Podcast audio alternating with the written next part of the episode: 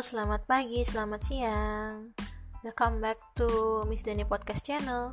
Seperti biasa, Miss Dani akan menyapanya siang dan pagi karena pelajarannya untuk 5 kelas dan jamnya tuh berbeda-beda ya. Bagaimana kabarnya kalian hari ini? Miss Dani harap kalian baik-baik saja, belum bosan, belum ngantuk, dan belum capek mendengarkan pembelajaran hari ini ya. Sebelum pembelajaran kita mulai, Miss Dani approve untuk kalian yang sudah mengerjakan tugas Miss Dani kemarin yang sudah dikirim ke Google Classroom. Miss Dani sangat approve, tapi Miss Dani maaf tidak bisa mengirimkan nilainya ke kalian karena bagi Miss Dani tugas kemarin itu hanya latihan dan itu hanya menjadi tolak ukurnya Miss Dani ke kalian dan kalian ke Miss Dani. Kalian tuh sebenarnya paham gak sih pembelajaran yang kemarin tentang pengertian, tentang ciri-ciri, tentang unsur tes berita gitu ya Oke, sebelum pembelajaran kita mulai, Miss Dani akan menjelaskan kenapa Miss Dani menggunakan podcast atau anchor lagi hari ini.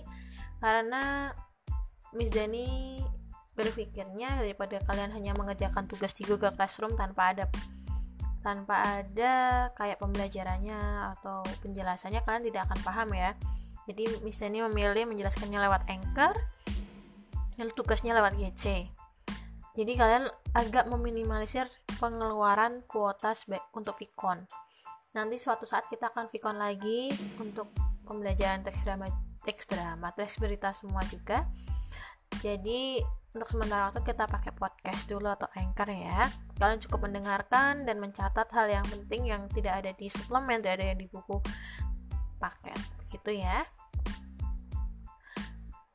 Hmm, oke. okay. Kemarin kita belajar mengenai teks berita di pengertian ciri-ciri dan unsur teks berita ya. Dari pengertian dulu deh. Kita evaluasi atau kita mengulang kembali ya, biar kita nggak lupa.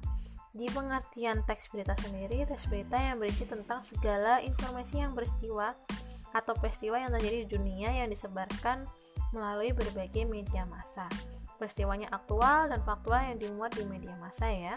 Sesuai fakta yang terjadi bukan opininya kita. Lalu ada ciri-ciri teks berita ada menarik. Kenapa harus menarik sih miss? Ya karena kalau tidak menarik kita tidak akan membacanya. Coba. Kalau judulnya biasa aja pasti kalian lewati. Coba kalau judulnya menarik seperti kontes Mobile Legend di Sri Ratu Nah, kalian pasti akan mencari tahu tuh siapa pemenangnya, gimana proses kontes tersebut. Gitu kan? Nggak berisi fakta, aktual, faktual, kenalan logis, informasi lengkap sesuai rumus 5 plus 1H. Tidak ambigu, tidak ambigu tuh jelas artinya. Tidak cuman gam uh, abu-abu untuk kalian. Lalu ada struktur bahasa tepat dan mudah dipahami, bersifat kebaharuan, singkat dan padat. Kemudian ada unsur teks berita, ada apa, di mana, kapan, siapa, mengapa, bagaimana. What, where, when, who, why, how. Kalau di bahasa Inggris itu 5W plus 1H, kalau bahasa Indonesia adik Simba. Adik Simba ini bukan kepanjangan. Bukan kepanjangannya adik Simba itu apa? Bukan, tapi akronim ya adik Simba ini. Untuk hari ini di pertemuan kali ini kita akan belajar mengenai struktur teks berita yang di dalamnya itu yang kemarin ada yang tanya ke Miss, Miss pola piramida terbalik itu apa sih? Nah, di sini nanti kita akan belajar tentang pola piramida terbalik juga. Kemudian ada syarat berita dan ciri kebahasaan teks berita lalu langkah menyimpulkan berita. Pertama-tama kita akan belajar mengenai struktur teks berita. Struktur teks berita itu ada tiga, orientasi, peristiwa sumber berita, sumber berita.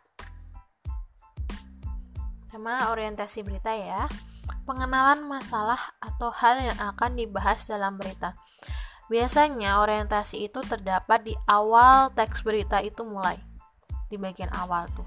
Itu pengenalan dulu baru baru nanti setelah dari orientasi berita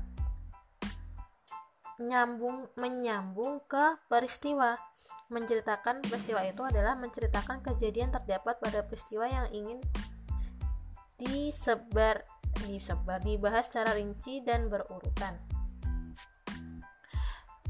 Struktur ini menceritakan tentang kejadian yang terdapat pada peristiwa atau hal yang ingin dibahas secara berurutan. Nah, biasanya nih kalau apa namanya tadi peristiwa itu terdapat di pertengahan jadi setelah orientasi berita pasti akan menyambung ke peristiwa setelah itu ada sumber berita sumber berita tersendiri sendiri itu artinya atau berisi mengenai sumber didapatnya berita tersebut. Biasanya berita yang ditambahkan sumber dituliskan pada media cetak seperti koran, tapi tidak jarang media elektronik juga menyertakan sumber berita terutama di internet. Biasanya letak dari sumber berita itu ada di paling bawah. Setelah berita itu selesai lah di bawahnya nanti ada sumber beritanya. Kalau kalian punya koran silahkan dicek di koran pasti itu ada. Kalau enggak kalau kalian punya line di line today itu juga terdapat sumber berita di bagian bawah. Nah, setelah ini kita membahas pola penulisan berita yaitu piramida terbalik. Kenapa sih Miss kok piramidanya terbalik disebutnya? Karena piramida terbalik itu adalah salah satu konsep atau formula atau struktur penulisan berita atau sebuah acuan baku yang sering digunakan oleh para wartawan untuk menyusun sebuah teks berita.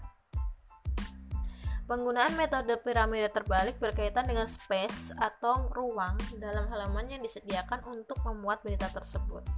Di dalam teks berita atau di pola penulisan berita atau di piramida terbalik sendiri ada lima bagian sebenarnya. Yang pertama ada headline, baru lead, neck, body, dan leg. Sedangkan di dalam suplemen itu terdapat empat bagian, yaitu lead, neck, body, body. Sebenarnya body yang paling bawah itu namanya leg, sebelum LED itu ada headline Miss Dani jelaskan dulu nanti baru kalian boleh tambahkan ya di pertama di LED atau headline headline dulu karena pertama itu headline headline sendiri itu lebih gampangannya judul. Misal e, cerita yang akan diangkat judul cerita yang akan diangkat itu atau yang ditulis. Judul misalkan new normal yang mulai diterapkan di bulan Juli itu judulnya. Atau new normal yang mulai diterapkan bulan Juli seperti itu. Lalu ada teras berita atau LED intisari pembuka berita atau awalan berita. Contohkan nih contohkan contohnya nih misalkan pada tanggal 13 Juli seluruh peserta didik di Semarang mulai melakukan pembelajaran di sekolahan. Lalu ada body atau tubuh? Informasi lengkap adik Simba. Ingat ya adik Simba tadi ya 5W plus 1H itu per, uh, apa namanya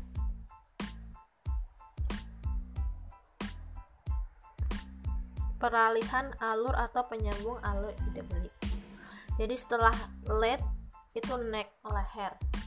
Jadi setelah kita indesar pembuka baru ke peralihan atau menyambungkan ide berita. Jadi dari pembuka kita menyambungkan berita lalu ke tubuh yaitu informasi adik Simba itu tadi ya. Contoh yang di body itu di Semarang sudah melaksanakan uh, Semarang sudah melaksanakan pembelajaran di sekolah seperti biasa. Hal ini dilatar belakangi karena adanya keluhan murid saat melaksanakan pembelajaran online merasakan bosan dan saat ini sudah dikumandangkan new normal oleh pemerintah. Seperti itu. Jadi di tubuh atau body itu berita utamanya di dikaitkan dengan si LED dan si neck jadi berita utamanya itu ada di body berita paling pentingnya itu ada di body bukan paling penting yang penting. Karena yang paling penting itu ada di LED sama di neck. Lalu ada kaki atau leg. Nah kaki ini bagian kaki ini adalah kesimpulan dari semua berita itu. Kesimpulan akhirnya. Begitu ya. Nah silahkan di segitiga terbalik di gambar itu ditambahkan headline di atasnya LED. Jadi headline LED lead neck body leg. Jadi body yang bawah tuh diganti dengan leg juga. Setelah itu beri kurung kurawal di bagian lead dan neck di kanan di kanan. Ditulis paling penting. Lalu body diberi panah penting. Leg diberi panah kurang penting. Jadi kurang penting itu cuma ada informasi tambahan. Atau sam sama dengan si uh, apa tadi kurang penting. Jadi kenapa bisa disebut dengan piramida terbalik? Yaitu dari paling penting dulu baru penting kemudian kurang penting. Biasanya berita itu diambil tuh yang kurang penting dulu paling penting baru penting. Kalau berita kebalikannya. Kemudian ada syarat berita syarat berita itu kelihatannya belum ada di suplemen belum dicantumkan di suplemen jadi kalian bisa mencatatnya di buku catatan ya Syarat berita sendiri ada lima, yaitu satu berita harus merupakan fakta. Ingat ya, harus berupa fakta, tidak boleh opini. Lalu berita harus kejadian terkini atau up to date. Karena kalau nggak up to date, ngapain kita baca? Kenapa kita harus kenapa kita baca berita yang dulu-dulu? Berita yang up to date saat ini apa sih sebenarnya? Hmm, oh ya, beritanya Ray Bang sama si Dinda Hao. Itu kan menikah karena ta'aruf ya, terus mereka menikah. Jadi kalau kal kalau kalian melihat feed di Instagram kalian ada berita terbaru itulah salah satunya. Kenapa kok bisa menarik? Ya karena tidak ada yang bisa menyangka mereka akan menikah. Kalau enggak berita up to date tentang COVID-19 itu kan juga pasti ada up to date terbarunya kan, seperti itu. Berita harus seimbang. Jangan lupa berita harus seimbang, tidak boleh tidak boleh berat sebelah jadi walaupun tidak boleh berat ke narasumber, wartawan tidak boleh berat ke narasumber ataupun ke saudaranya. Jadi kamu wartawan ya wartawan tidak boleh berat sebelah. Berita harus lengkap, adik Simba tadi ya. Lalu berita harus menarik dan bermanfaat. Nah, berita itu menarik, ada manfaatnya nggak diberitakan? Kalau nggak ada, ya ngapain diberitain? Lalu kemudian ada ciri kebahasaan teks berita. Ciri kebahasaan teks berita ada kalimat langsung, kalimat yang seakan-akan kita berbicara. Di suplemen ada contohnya yaitu diharapkan masing-masing daerah memiliki prioritas kesenian yang akan dikembangkan di daerahnya. Untuk itu, tahun depan saya berharap ada masukan dari bawah tentang alat atau alat kesenian yang apa yang harus diadakan sesuai kebutuhan tutur Mendikbud. Kenapa kalimat langsung? Karena kalimat itu seakan-akan kita langsung berbicara. Jadi biasanya penulisannya itu ada petik duanya dulu. Petik dua, titik, titik, titik, baru petik dua, titik, petik dua. Seperti itu. Jadi seakan-akan kita yang ngomong langsung. Beda lagi dengan kalimat tidak langsung. Saat kalau kalimat tidak lang kalau kalimat langsung tadi kan kita yang berbicara langsung nih. Kalau kalimat tidak langsung itu kita menerangkan apa yang dikatakan orang lain. Contoh, di suplemen sudah ada.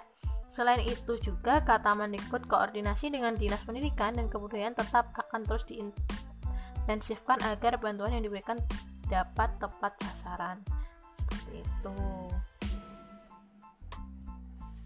Lalu ada kata kerja mental. Kata kerja mental itu kata kerja yang berdasarkan tingkah laku, seperti khawatir, memikirkan. Lalu ada kan konjungsi temporal. Tempo itu waktu. Jadi kata kerja men kata konjungsi temporal itu kemudian contohnya ya, kemudian lalu ketika. Kemudian ada keterangan waktu keterangan waktu sendiri itu menggambarkan situasi waktu seperti sore hari, minggu lalu, minggu ini, hari ini, pukul 13, pukul 15 seperti itu ya. Kemudian ada bahasa baku. Bahasa baku itu bahasa yang sesuai dengan KBBI, EYD, PUEB, bahasa yang formal seperti jadwal, apotek, seperti itu ya.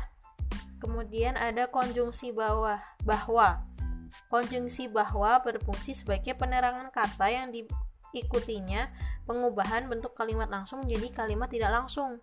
Contoh, Astrid mengatakan bahwa ibunya pingsan karena lelah. Itu. Kemudian kita menuju ke materi langkah-langkah menyimpulkan berita ya. Menyimpulkan berita sendiri itu pengertiannya merangkum semua pokok-pokok isi berita ke dalam sebuah simpulan yang singkat namun tetap menyeluruh. Di dalam langkah-langkah menyimpulkan berita ada tiga langkah, yaitu yang pertama menyimak berita. Menyimak berita itu tidak hanya mendengarkan, tapi membaca.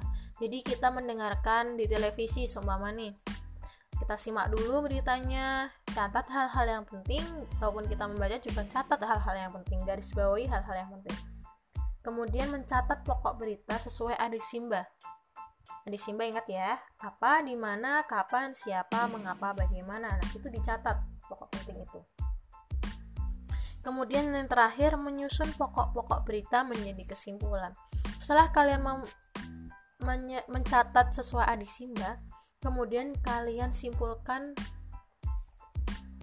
berita tersebut lewat cara tadi. Seperti itu. Oke, pembelajaran hari ini materinya sudah selesai. Karena tadi Miss Dani juga udah bilang kan kalau hari ini tuh hanya belajar tentang struktur, syarat, dan ciri kebahasaan lalu langkah-langkah menyimpulkan teks berita. Nah, setelah ini ada tugas di Google Classroom dari kemarin jadi kalau semua Miss Dani mintanya kalian nulis di buku tulis ya udah ditulis buku tulis gak usah ada pertanyaan. Miss kalau ngerjainnya di Google Doc gimana? Ya kan udah jelas kan tugasnya di buku tulis. Saya udah terlanjur ngerjain di Google Doc Miss. Ya harus diganti secara otomatis dong. Karena kan Miss Dani mintanya udah tertera di buku tulis atau di buku tugas.